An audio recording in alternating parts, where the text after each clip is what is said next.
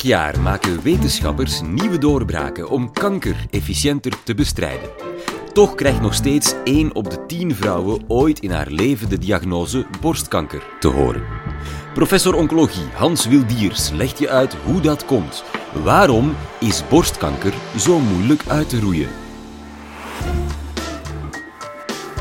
Dit is de Universiteit van Vlaanderen.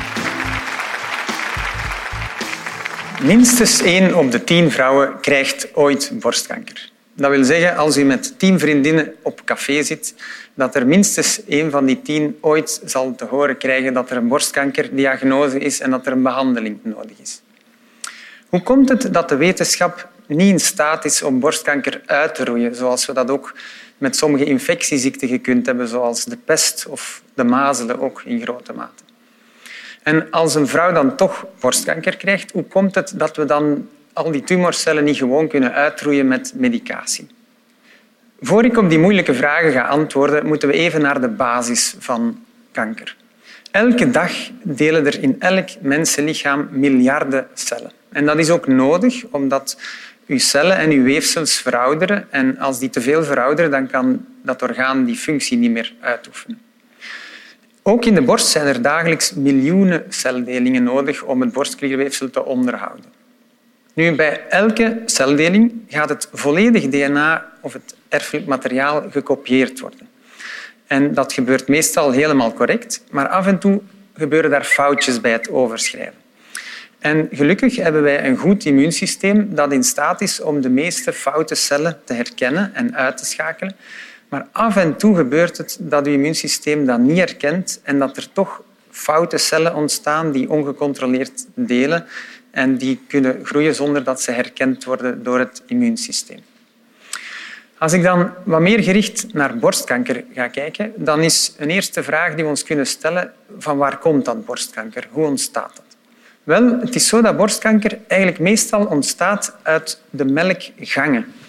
Ehm, dus een borst bestaat uit borstklieren, waar de melk wordt gemaakt. Dat gaat naar de melkgangen en dat gaat naar de tepel.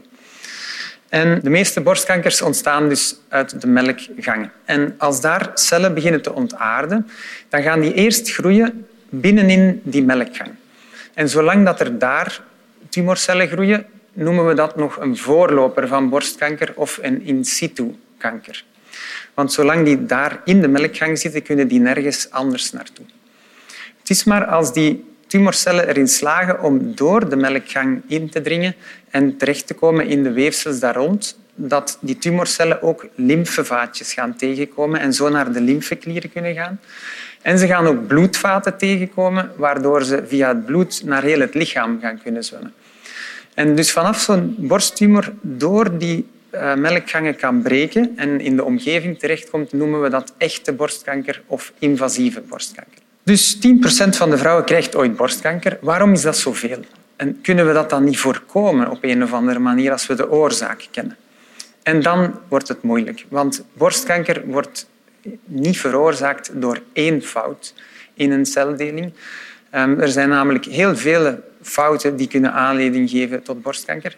En bovendien zijn er meestal ook verschillende fouten samen nodig vooraleer een tumorcel echt gaat kwaadaardig worden.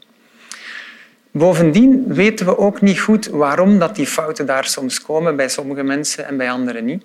En eigenlijk ehm, is het een feit dat dat voor een heel groot stuk toeval of pech is. Als bij elke mens miljoenen cellen in de borst elke dag delen, dan is het niet verwonderlijk dat er door de loterij van het leven bij sommige mensen plots borstkanker gaat ontstaan en bij anderen niet.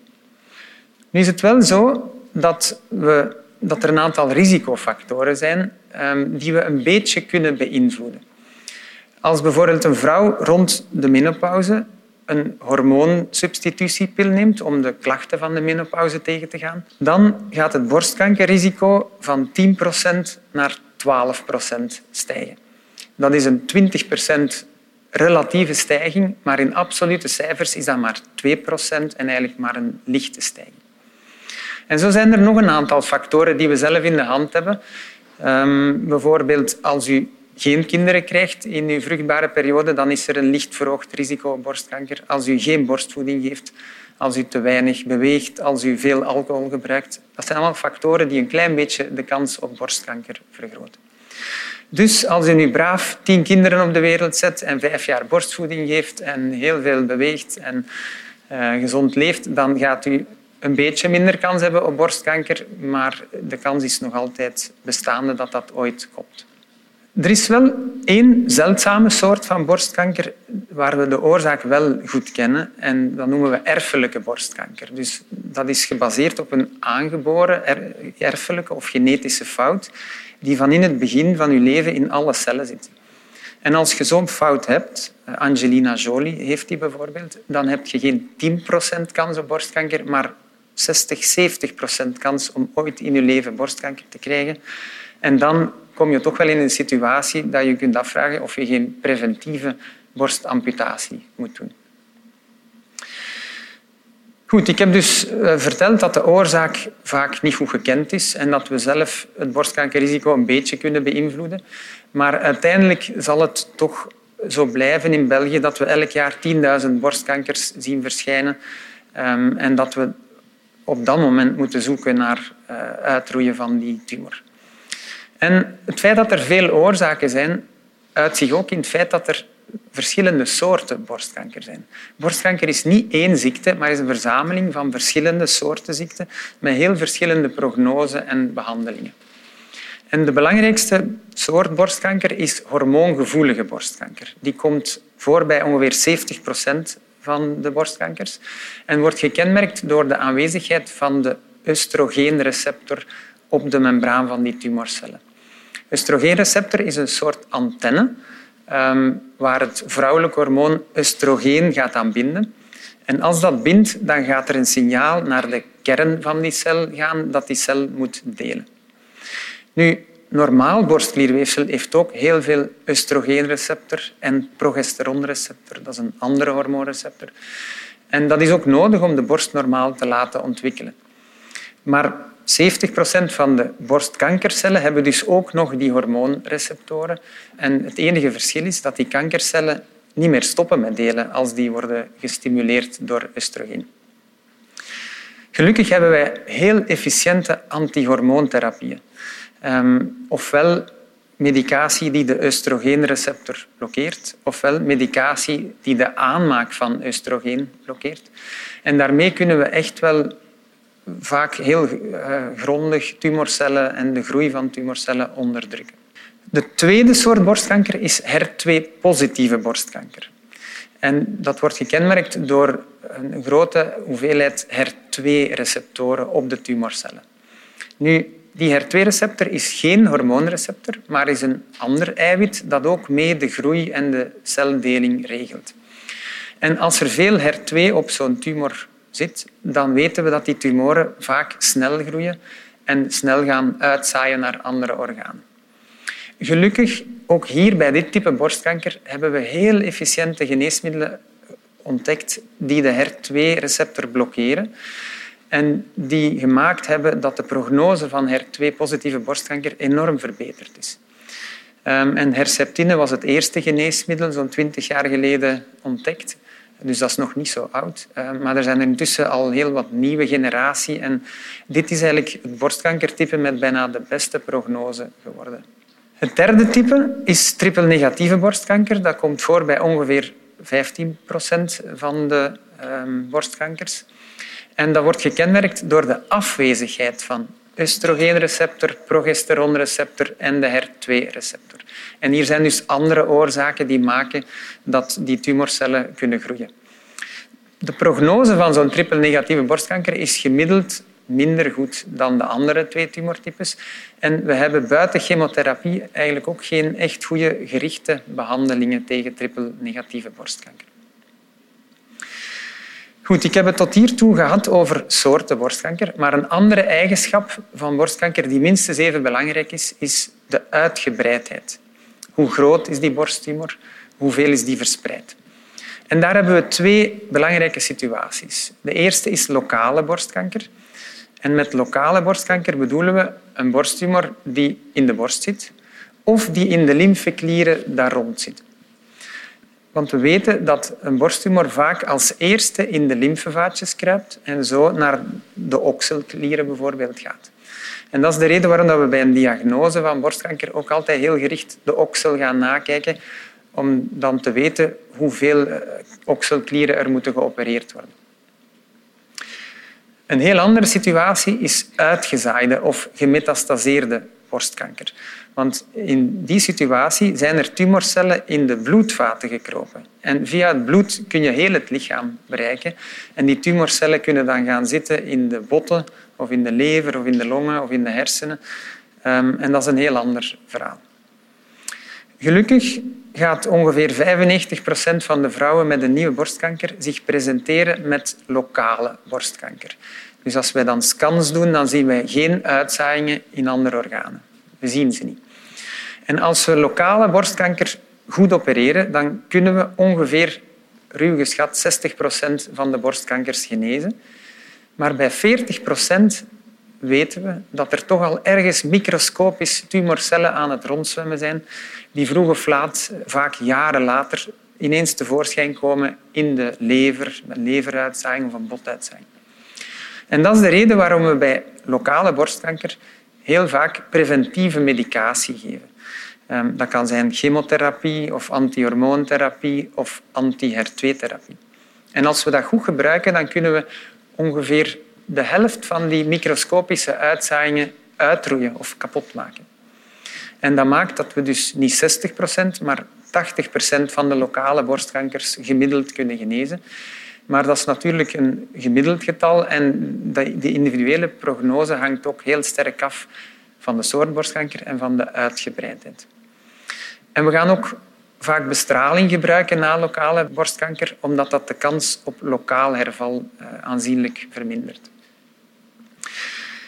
Bij 5% van de vrouwen die met een nieuwe borstkanker presenteren, zien wij jammer genoeg uitzaaiingen op de scan, in de lever of in de botten. Dus dat noemen we uitgezaaide borstkanker. En we weten ook dat van de behandelde lokale borstkankers uiteindelijk ongeveer 2 op de 10 ook later uitzaaiingen gaan krijgen. Dus ruw geschat 25 procent van de vrouwen met borstkanker zal dat vroeg of laat krijgen, uitzaaiingen. Dat is jammer genoeg een ongeneeslijke situatie, maar wel een behandelbare situatie. Er is heel veel medicatie beschikbaar, chemotherapie, antihormoon, anti-HER2, waarmee dat we tijdelijk, maar soms heel lang, zo'n uitzaaiingen kunnen onderdrukken. En daarom noemen we uitgezaaide borstkanker vaak ook een chronische ziekte. Een ziekte die je niet helemaal wegkrijgt, maar die we gemiddeld jaren en soms weinig jaren en soms heel veel jaren kunnen tegenhouden. Het verloop van zo'n uitgezaaide borstkanker is heel variabel. Ehm, het gebeurt zelden dat dat heel snel gaat, maar het gebeurt ook soms dat er twintig jaar niks gebeurt. En het is heel moeilijk om dat individueel te voorspellen. Hoe komt het dat we uitgezaaide borstkanker nooit helemaal uitgeroeid krijgen? Wel, het is een frustrerend feit, maar uitgezaaide tumorcellen die worden vroeg of laat resistent aan alles. Dus zo'n antihormoontherapie kan soms twee jaar heel goed werken en plots ontstaan er nieuwe fouten of mutaties waardoor dat die antihormoontherapie plots niet meer werkt. En eigenlijk volgt dat een beetje het Darwin-principe van survival of the fittest. Ehm, er ontstaan verschillende fouten in verschillende uitzaaiingen. En sommige fouten werken niet en de tumorcellen gaan kapot, maar andere, uh, andere fouten zijn heel efficiënt voor die tumor en die tumor wordt resistent. En uit, uit onderzoek weten we dat als we verschillende uitzaaiingen binnen één patiënt onderzoeken, dat er soms heel andere fouten in uitzaaiing 1 zitten dan in uitzaaiing 2. En op termijn komen er bij een uitgezaaide borsttumor zoveel fouten in verschillende uitzaaiingen dat dat echt onmogelijk te behandelen wordt en dat dat fataal wordt. Onze grote droom is natuurlijk om uitgezaaide borstkanker eh, individueel gepersonaliseerd te behandelen, waarbij we voor elke patiënt en elke tumor en elke uitzaaiing kunnen meten welke fouten er zijn en die dan gericht proberen aan te vallen. En we moeten dat zeker best doen in een vroeg stadium van borstkanker, als er nog niet te veel fouten zijn. Want als je wacht tot een laat stadium, dan is dat eigenlijk onbegonnen werk. Dus waarom is borstkanker zo moeilijk uit te roeien? Ten eerste, um, we weten de oorzaak nog altijd niet goed, wat dat preventie heel moeilijk maakt. En als een borstkanker dan verschijnt, zolang die lokaal is, kunnen we dat toch wel vrij goed behandelen en kunnen we de grote meerderheid genezen door operatie, bestralen, preventieve medicatie. Bij de minderheid van mensen met borstkanker bij wie er uitzaaiingen optreden, kunnen we geen volledige genezing bekomen, maar er zijn heel veel behandelingen en er komen er wekelijks bij. En de wetenschap blijft uiteraard heel hard zoeken om borstkanker ooit definitief uit te roeien. Dank u.